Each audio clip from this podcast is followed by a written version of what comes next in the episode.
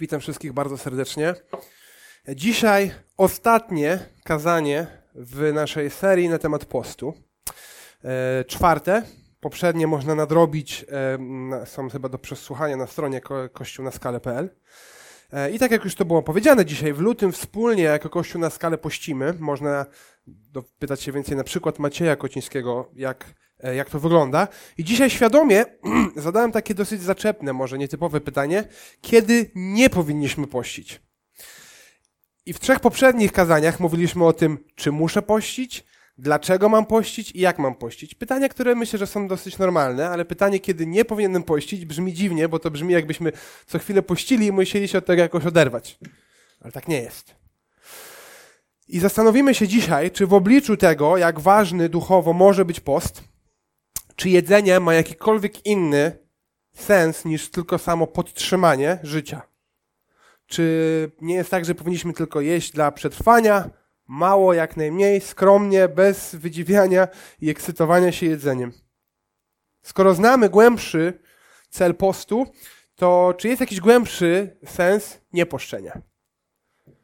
Jak korzystać z jedzenia? I nawet powiemy troszeczkę o tym, kiedy wręcz unikać postu.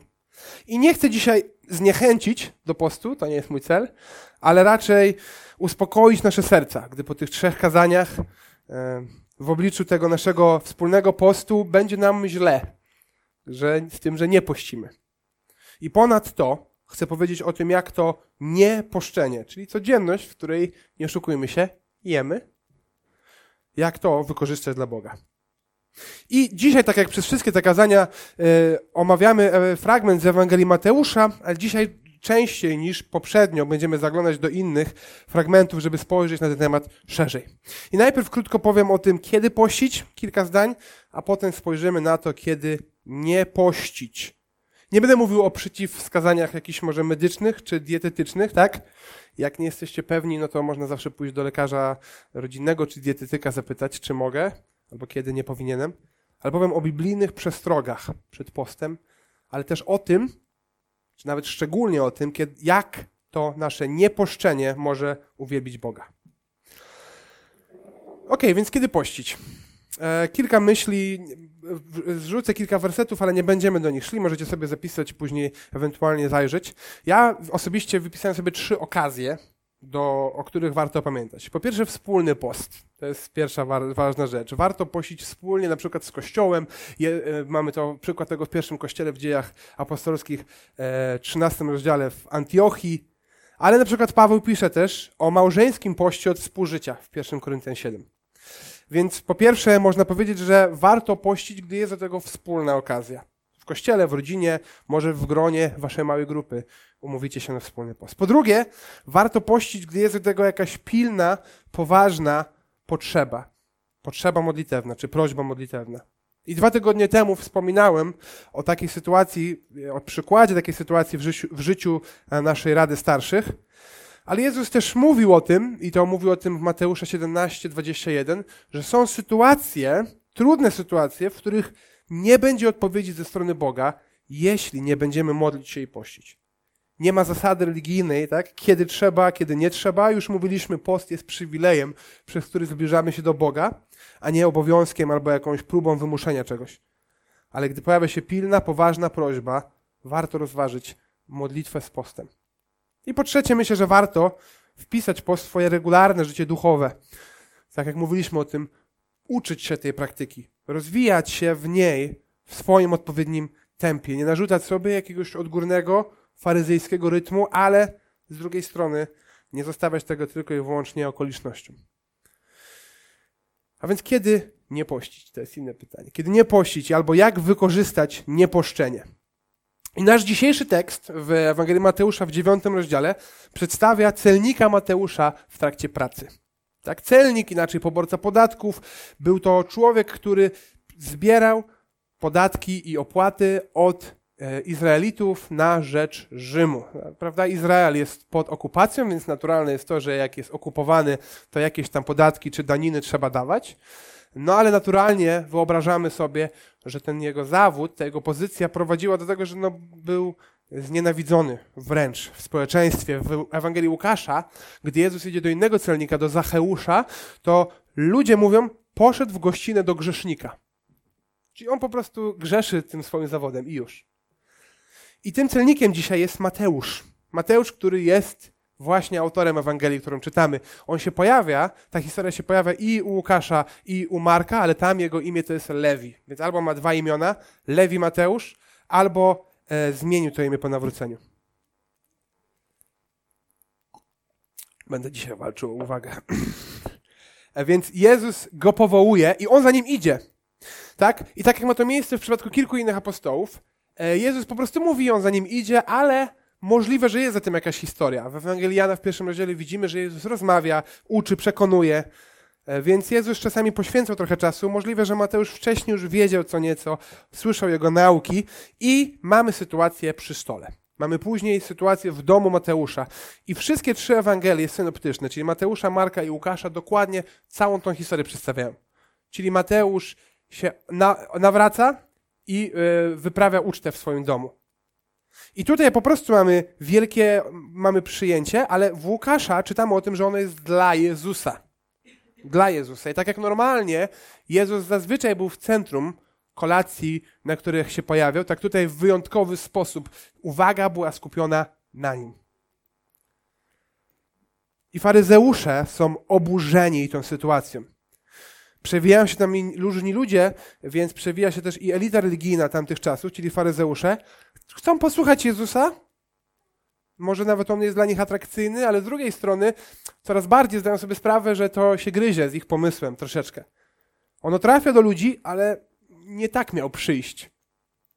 Myślę, że mogą mieć dwa problemy. Po pierwsze, może oni sobie myślą w tym momencie, że dlaczego on przyszedł do celników i grzeszników, a nie siada z nami? Dlaczego nie zabiega najpierw o pozycję w gronie faryzeuszy? Dlaczego to nie jest jego pierwszy cel?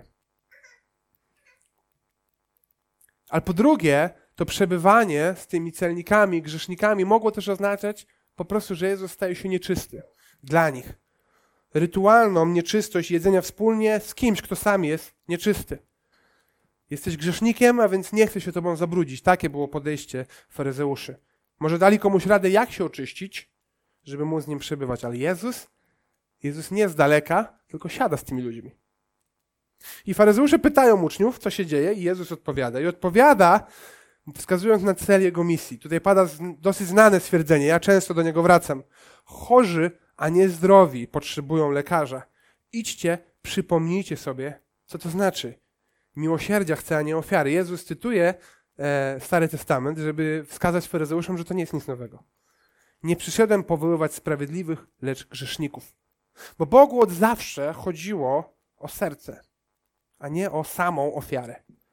I faryzeusze zamiast szukać u Boga tej zmiany w środku, oni kurczowo trzymają się tego samego powierzchownego rytuału. I Jezus nie wpisuje się w ten rytuał i to ich boli. Ale misja Jezusa jest jasna. On przyszedł do chorych.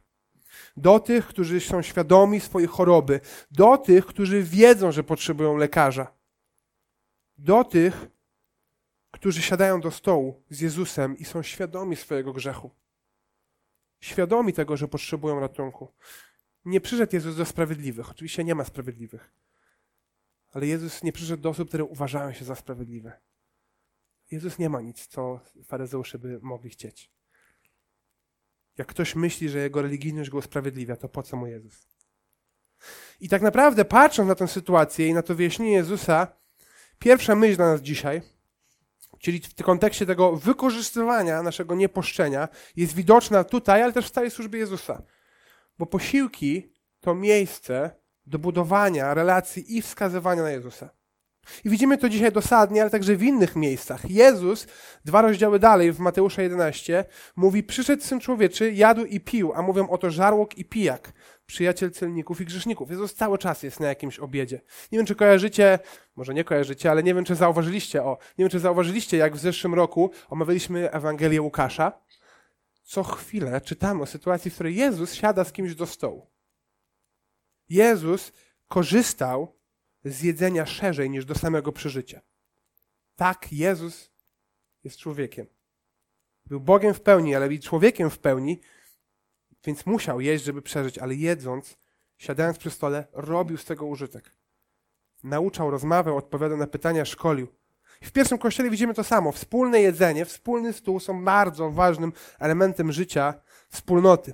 I myślę, że zagrożenie, jakie mamy, jest takie, żeby te dwie rzeczy od siebie oderwać po prostu. Głoszenie Ewangelii, życie duchowe, wskazywanie na Jezusa z jednej strony i tu gdzieś w drugim końcu stół, wspólne gotowanie, wspólne jedzenie, spotkania towarzyskie. Dzielimy nas sytuacje na duchowe i nieduchowe.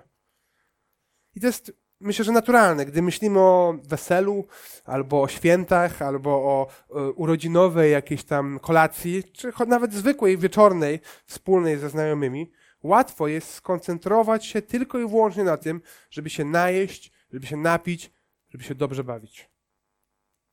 I nie korzystać ze wspólnego czasu przy stole w sposób wartościowy.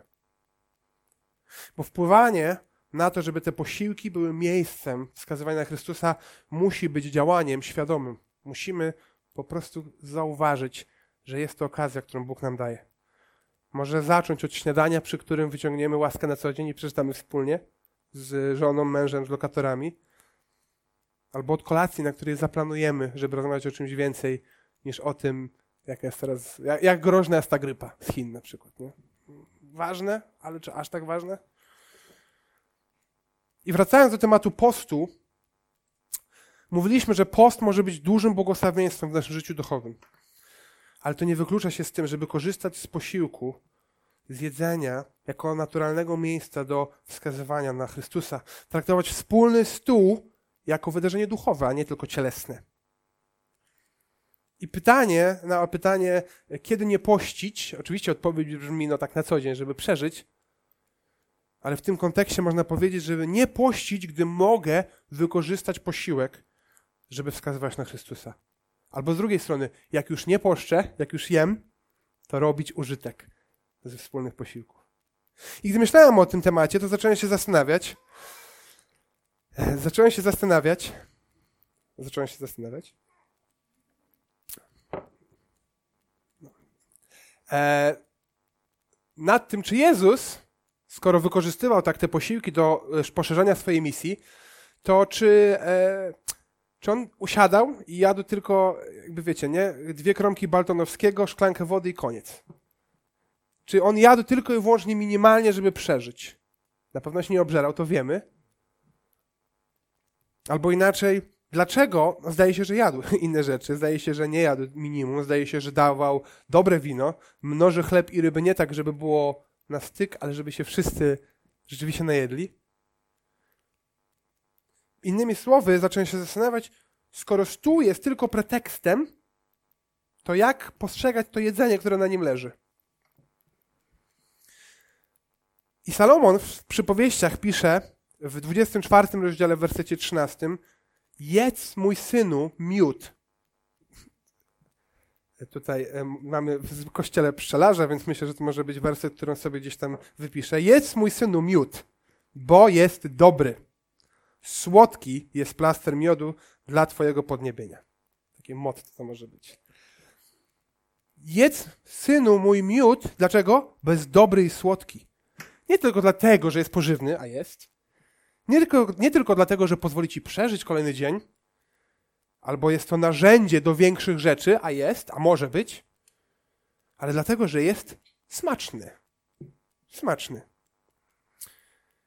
I myślę, że oczywiście kierowanie, życie kierowane tym nadrzędnie, tym, co jest smaczne, tak, to nie jest pobożnym życiem. E, miewałem w moim życiu okresy, kiedy to, co jest smaczne, napędzało moje życie. Miewam takie dni, kiedy wstaję i myślę sobie, co dzisiaj smacznego zjem. I to jest jedna z pierwszych myśli, jakie się pojawiają to nie jest zbyt e, pobożny, dobry dzień w moim życiu. To nie jest prawdziwa satysfakcja. Nawet jak to będzie e, kanapka drwala albo coś lepszego. Ale z drugiej strony czytamy, że można cieszyć się czymś dlatego, że jest smaczne. I apostoł Paweł poszerza troszeczkę ten temat w liście do Tymoteusza, w pierwszym liście do Tymoteusza, on ostrzega przed ludźmi, którzy właśnie wymuszają celibat i post. W pierwszym Tymoteusza w czwartym rozdziale przeczytamy pierwsze pięć wersetów.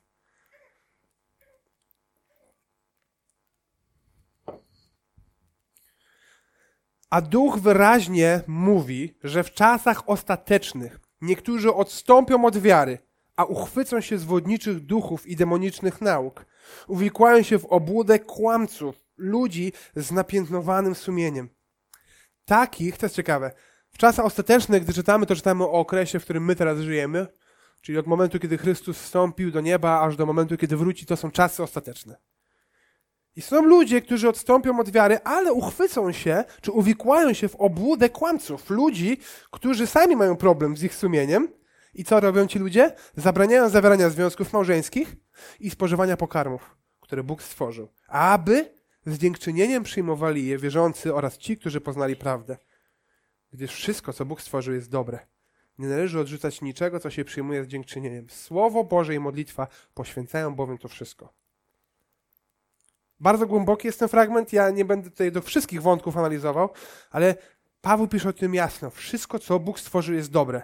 I małżeństwo w tym kontekście, i jedzenie. I inne przyziemne rzeczy też mogą być dobre. Nie należy odrzucać niczego, co się przyjmuje z dziękczynieniem, ale też pokazuje Słowo Boże, Słowo Boże i modlitwa poświęcają to wszystko. I to jest ciekawe, jakbyśmy dalej czytali ten list, to w szóstym rozdziale przechodzimy do takiej sekcji, gdzie Paweł mówi Tymoteuszowi, żeby ludziom, którzy są bogaci, e, troszeczkę na nich uważał, zwrócił uwagę, napominał ich. I mówi tam takie słowo w 17 wersecie. Bogatym obecnego wieku nakazuj, aby się nie wynosili i nie pokładali nadziei w niepewnym bogactwie, lecz w Bogu. Więc z jednej strony, jak jesteś bogaty, a myślę, że duża większość z nas, ja nie znam was wszystkich, nie wiem dokładnie jak stoicie finansowo, ale duża większość z nas, tak w skali świata jest bardzo bogata. I przestrzega przed tym, żeby na, pokładać nadzieję w tym, co mamy. Pokładać nadzieję w pieniądzach i też w tym, na jak dobre jedzenie, jak egzotyczne potrawy mnie stać. W tym uszukać szczęścia. Ale z drugiej strony mówi, lecz w Bogu, który nas obficie zaopatruje we wszystko, co nam na akurat wystarczy, żebyśmy przetrwali kolejny dzień i nie umarli z głodu. Tak na pewno? Nikt nie zgłasza sprzeciwu, czyli Biblii nie, ma, nie macie oboży otwartych. O co mówi tam? Lecz bo, w Bogu, który nas obficie zapatruje we wszystko, co przynosi radość. Nie tylko to, co daje przetrwanie, wszystko, co przynosi radość. I ciągłe poszczenie, ascetyzm, porzucanie wszystkiego, co jest dostępne w tym świecie, grozi odrzuceniem Bożego stworzenia. Odrzuceniem tego, co Bóg dał, co jest dobre i co może przynosić radość. Jan Calvin napisał, pogardzając darami, obrażamy tego, który je daje.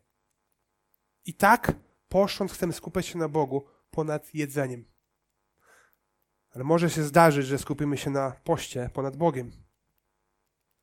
I korzyści z postu nie wykluczają się z tym, że w codzienności mamy skupiać się na Bogu we wszystkim. W 1 Koryntian 10:31 Paweł pisze: Cokolwiek jecie lub pijecie, albo cokolwiek czynicie, wszystko to czyńcie na chwałę Boga. Paweł nie mówi, przestańcie to robić, ale zachęca przez te zwykłe, dobre, codzienne rzeczy uwielbiajcie Boga. I Jezus korzysta z jedzenia do realizowania swojej misji, do nauczania, do czynienia uczniami. Ale znając naturę boskich darów, możemy spokojnie zakładać, że Jezus jadł, bo ten Boży dar sprawiał mu radość, bo był smaczny. Z jednej strony Post przypomina nam, że, że, że jedzenie i picie nie ma nad nami władzy, nie jest naszym Bogiem, nie jest celem, nie jest sensem, nie jest spełnieniem, nie da prawdziwej radości. Ale z drugiej strony, jedząc, możemy cieszyć się tym darem, którego autorem jest ten, który nie dał, nie tylko dał te wszystkie warzywa, owoce, ziarna, zwierzęta, wody, wino i tak dalej, nie tylko, że je dał, ale sam, będąc człowiekiem, cieszył się nimi. Nie tylko jadł dla przetrwania, przed śmiercią, ale nawet jak zmartwychwstał w nowym ciele, też jadł. I to, co lubię wspominać, jadł i chleb, ale też jadł rybę, więc to a propos e, weganizmu w wieczności.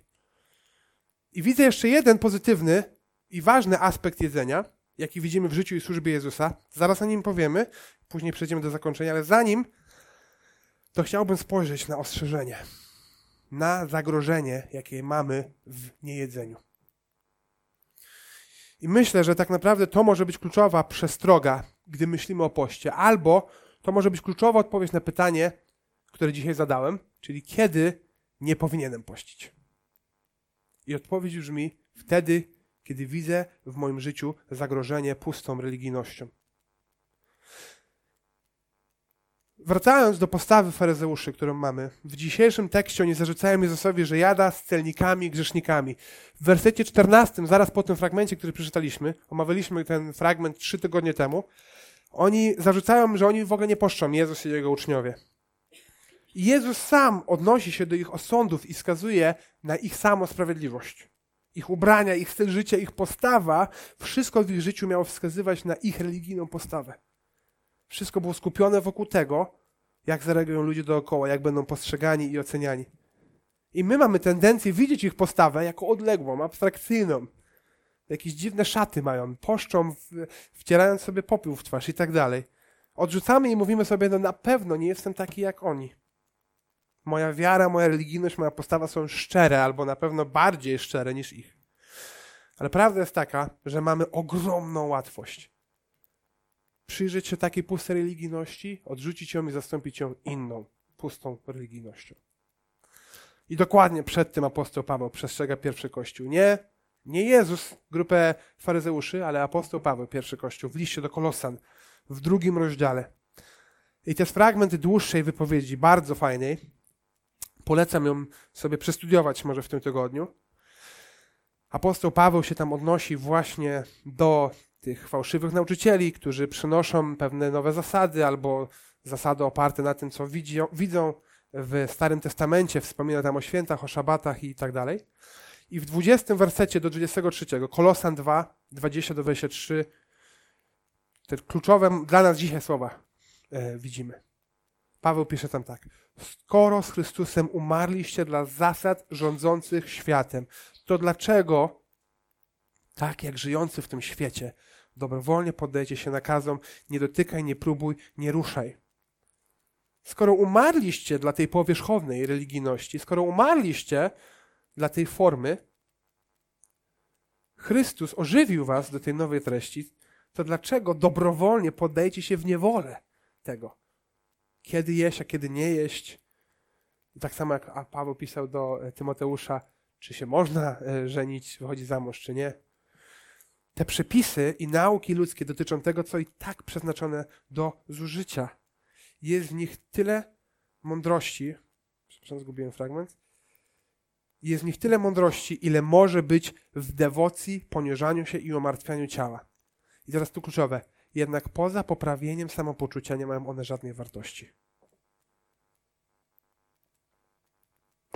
Więc w kościele pojawiają się też nauczyciele, którzy do Chrystusa dokładają puste zasady, obowiązki, powierzchowną religijność. Uzasadniają to oczywiście tam ci nauczyciele najprawdopodobniej prawem Starego Testamentu, narzucają przestrzeganie świąt i tak dalej. Ale Paweł mówi o tym, że nie ma w tym głębi, nie ma w tym prawdziwej treści. To jest po prostu powierzchowna poprawa samopoczucia. Samopoczucie moje, jestem, czuję się lepiej, bo, no bo odrobiłem jakąś religijną powinność, tak? Odhaczyłem wieczorem, pościłem, odhaczyłem wieczorem, modliłem się trzy razy tego dnia. I to jest ostrzeżenie dla Kościoła jako dla całości ostrzeżenie przed zmuszaniem do jakiejś formy duchowej, ostrzeżeniem przed stawieniem nacisku na jakąś praktykę, rytuał. I dlatego, pomimo tego, iż ustaliliśmy wspólnie post w lutym, staraliśmy się przy okazji, przy okazji cały czas wyjaśniać, tłumaczyć, zachęcać, ale też wskazywać na treść ponad tą formą. Wspierać osoby, które nie mogą pościć, albo może nie rozumieją tego. Nie zniewalać nikogo przestrzeganiem praktyki. To nie oznacza, że nikt nigdy już nie ma prawa ustalać jakiejś wspólnej wizji, kierunku czy wspólnych metod, ale problem jest wtedy, kiedy metoda przysłania nam treść. A przede wszystkim ten fragment jest to ostrzeżenie dla mnie, dla mojego serca. To jest pytanie o moje motywacje, a nawet powiedziałbym, że to jest zakaz działania wtedy, kiedy widzę, że to jest tylko pod przymusem. Kiedy widzę, że to jest, jestem w niewoli jakiejś formy. Kiedy widzę, że poszczenie na przykład, czy inne rzeczy prowadzi w moim sercu do postawy pustej religijnej wyższości. Niekoniecznie od razu trzeba to porzucać, ale może zrobić sobie przerwę, tak? Świadomie wydzielić czas na modlitwę o moje serce, o moje motywacje. To jest może oczywista myśl, ale warto pamiętać, że nie powinniśmy pościć wtedy, gdy to jest tylko religijny, płytki obowiązek. I to nie jest kwestia charakteru. Wszystkich nas to dotyka. Wszystkich nas to dotyczy. Wszyscy się z tym mierzymy. I zaraz przejdę jeszcze do, na koniec do podsumowania, do wniosków, ale chcę przeczytać jeszcze jeden fragment. Ostatni, taki ten pozytywny aspekt nieposzczenia.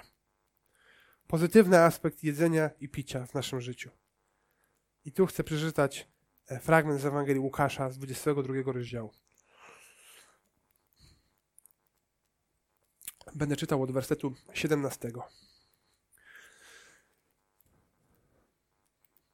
Następnie wziął kielich, i tu czytamy o ostatniej e, wieczerze, ostatniej wspólnej kolacji Jezusa z uczniami. Następnie wziął kielich, podziękował Bogu i powiedział: Weźcie go i rozdzielcie, rozdzielcie między siebie. Gdyż mówię wam, że odtąd nie będę pił z owoców winorośli, aż przyjdzie Królestwo Boże. Wziął też chleb, podziękował, złamał i dał im, mówiąc: To jest moje ciało, za was wydane że za was wydawane. To czyńcie na moją pamiątkę. Podobnie wziął kielich, kiedy już spożyli i powiedział, ten kielich to nowe przymierze przypieczętowane moją krwią za was przelaną. I teraz przeskoczę do 29 wersetu. Ja też na mocy przymierza przekazuję wam królestwo, jak i mnie ojciec przekazał je w przymierzu. Po to byście jedli i pili przy moim stole w moim królestwie i zasiedli na tronach, by rozsądzać sprawy dwunastu plemion Izraela. I ostatecznie, tak, widzimy, że Jezus używa stołu do tego, aby wskazywać na siebie, aby czynić uczniami, aby poszerzać swoje królestwo. Widzimy też, że jedzenie jest rzeczą, która jest po prostu dobra i możemy się nią cieszyć, ciesząc się tym, który je daje. Ale ostatecznie to Jezus wybiera stół jako narzędzie przypominania Jego śmierci, Jego zmartwychwstania i oczekiwania Jego przyjścia. I dzisiaj w normach nabożeństwa właśnie mamy wieczerzę pańską. Wspólny stół w posłuszeństwie temu, co nakazał Jezus. I gdy wspólnie spożywamy tę wieczerzę, to jest wyjątkowa okazja. Jest wyjątkowa okazja, żeby przypomnieć sobie Ewangelię. Może ten stół dzisiaj i na co dzień będzie momentem, w którym zastanowię się, że ta Ewangelia tak naprawdę jest dla mnie czymś abstrakcyjnym. Tak naprawdę nigdy jej się nie uchwyciłem. Ja znam teorię, ale nie utożsamiam się z tą ofiarą Chrystusa. Może wiem o łasce, ale wciąż myślę o tym, że Bóg mnie wspiera w tym, jak ja mam sobie radzić z byciem dobrym człowiekiem. Może myślę, że ten chleb i to wino, ofiara Chrystusa są czymś, na co muszę zapracować. Ale może naprawdę poszedłem za Chrystusem i wciąż ta wieczerza jest przypomnieniem o dobrej nowinie, bo ona bardzo łatwo nam może spowszednieć. Jak ktoś nas zapyta, to wiemy, co odpowiedzieć. Potrafimy wspomnieć nasze nawrócenie, ale, ale dobra nowina pojawia się tylko przy jakichś tam wybranych okazjach. Nie ma jej w codzienności. Więc wieczerza pańska, stół, który Chrystus ustanowił, jest wyjątkową rzeczą. Nie spożywamy jej codziennie, zazwyczaj robimy to w gronie kościoła, ale pomimo tej wyjątkowości, pomimo wyjątkowości, jest to doskonały przykład, jak korzystać z jedzenia albo na czym skupić się w nieposzczeniu. Moje codzienne posiłki mogą być przepełnione tym samym. Wspominaniem śmierci i zmartwychwstania Chrystusa. Myśleniem o Jego powtórnym przejściu wdzięcznością za codzienny chleb, ale ponadto wdzięcznością za Jego słowo. Wdzięcznością za to, że On się o mnie troszczy tu i teraz, ale ponadto za to, że się zatroszczył o moje wieczne miejsce przy Jego stole. I w pierwszym punkcie mówiliśmy o tej misyjności stołu, o służeniu innym, o głoszeniu, o rozmowie. I nie zawsze jestem w stanie w taki sposób z posiłków korzystać. Tak? Dzisiaj na wspólnym obiedzie oczywiście jesteśmy razem. Mam nadzieję, że nikt nie schowa się gdzieś tam, żeby zjeść samemu i uciec. I chcemy szukać tych okazji. Ale każdego dnia, nawet gdy nam się wydaje, że jesteśmy sami przy stole, to ten stół ma być przypomnieniem, że tak nie jest. Kilka osób mnie o to pytało, więc się tym krótko podzielę. Nie ma Oli, bo pojechała na weekend e, dla żon pastorów, taki jest wyjazd, organizowany co jakiś czas. I byłem sam z moimi dziećmi i miałem dwa razy taki właśnie samotną wieczorną kolację, gdzie po prostu wyciągam kanapkę i tak nie wiem, co teraz z tym zrobić. Nie ma się za bardzo do kogo odezwać i tak dalej. Jeszcze tak trochę, trochę chorowałem, więc, więc wiedziałem, że zjem i pójdę spać teraz. E, no i to, to było wyzwanie, żeby zastanowić się nad tym, co jest tutaj sensem? To, jak smaczna jest ta kanapka? Czy to, czy sobie w tym czasie coś obejrzę? Mogę pamiętać, nawet jak jestem sam. I wydaje się, że końcem tego wydarzenia jest to jedzenie, które jest przede mną. Mogę pamiętać, że jest ze mną ten, który dał mi ten chleb, który mam przed sobą, ale ponad to dał swoje życie. I nadal mnie prowadzi. Trzy pytania na zakończenie. Po pierwsze, czy mogę, i to jest podstawowa, najważniejsza kwestia dzisiaj, czy mogę uczestniczyć w wieczerzy pańskiej? Nie czy zapracowałem, ale czy pojednałem się z Chrystusem. Zapraszamy do wieczerzy wszystkie osoby, które się nawróciły i przypieczętowały to chrztem. Więc po pierwsze, jeśli się nawróciłem, to, to warto się ochrzcić na wyznanie e, wiary, nie ma na co czekać. Ale dzisiaj można się też zastanowić, czy, czy może nie jestem przekonany, może nie wiem, może nie wiem, czy poszedłem za tym, może nie wiem, czy rzeczywiście Bóg mnie narodził na nowo, czy jestem zauroczony samą religią. Wykorzystaj to dzisiaj, żeby o tym rozmawiać, żeby się nad tym zastanowić. A nawet jak jestem uczniem Jezusa, przyjście do Jego stołu ma być momentem przemyślenia dla mnie. Spojrzenia na swoje serce i wspominania dobrej nowiny.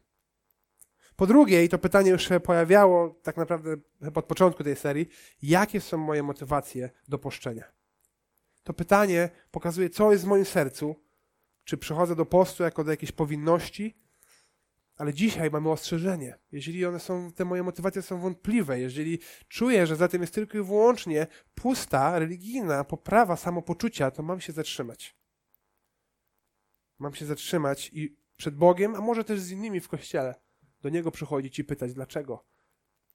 Jesteśmy inni. Mamy inną historię, inną wrażliwość, inne predyspozycje. I nasz problem z religijną samosprawiedliwością nie będzie taki sam dla wszystkich, ale to, co nas łączy, to to, że odpowiedź jest zawsze ta sama. Łaska Jezusa Chrystusa. I po trzecie, mogę się zastanowić, jakie miejsce ma jedzenie w moim życiu. Może moja dieta, może realizowanie moich zachcianek kulinarnych są jednym z bożków, którym się kłaniam. Nie jem dla przetrwania, nie dla relacji, które mam na, przy tym stole, ani nie cieszę się z Twórcą, przez smaczne rzeczy, które stworzył, ale smaczne rzeczy na stole są celem samym w sobie. Może nie potrafię przez tą radość chwalić Boga. Może to mentalnie rozdzielam. Może mam problem, żeby ten czas przy stole korzystać, wykorzystywać, aby budować relacje, wskazywać na Chrystusa, skupiać się na dobrej nowinie. Niezależnie od tego, jak dużo pościsz, jak dużo pościmy, to zakładam, że więcej czasu nie pościmy niż pościmy. I post e, to czas na modlitwę w różnych intencjach, czas na szukanie głębszej Bożej obecności. Jest to też czas, żeby skupić się na Bogu ponad jedzeniem, ale naturalnie, gdy pościmy, to sytuacja poszczenia wymusza na nas to, żeby myśleć nad tym, czym jest jedzenie w moim życiu. Jakie ma miejsce? Ile o nim myślę? Ile uwagi mu poświęcam? I jak z niego korzystam? Oprócz tych wszystkich tematów, które mamy, warto i ten podkreślić w tym czasie postu i szukać Bożej mądrości Dlatego jak ma wyglądać to nieposzczenie w moim życiu? Jak wygląda stół? I na koniec e, chcę przeczytać taki cytat z e, e, e fajnej chrześcijańskiej książki e, autorstwa Joe Rigneya, a potem się pomodlimy. Gdy kochamy Boga ponad wszystko, gdy kochamy Go w pełni, jesteśmy w stanie łączyć naszą radość w Bogu z naszą radością Jego darami, przyjmując te dary jako przedsmak, wskaźnik Jego chwały. Powstajmy do modlitwy.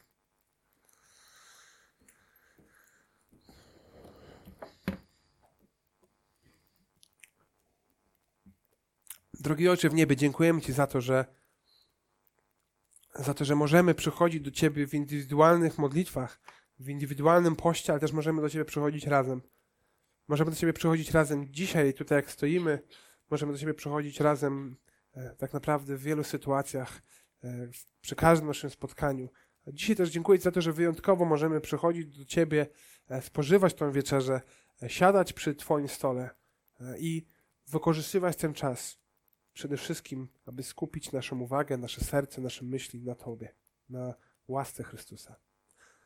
Prosimy Cię, Panie, abyś dawał nam mądrość, zarówno gdy pościmy, jak i gdy nie pościmy, aby cieszyć się Stwórcą ponad stworzeniem, aby cieszyć się Tobą, ponad tym, co dajesz. I aby pokładać naszą ufność w dobrej nowinie, w wiecznym chlebie, ponad tym codziennym, Panie.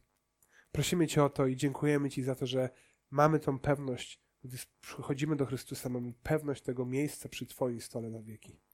Amen.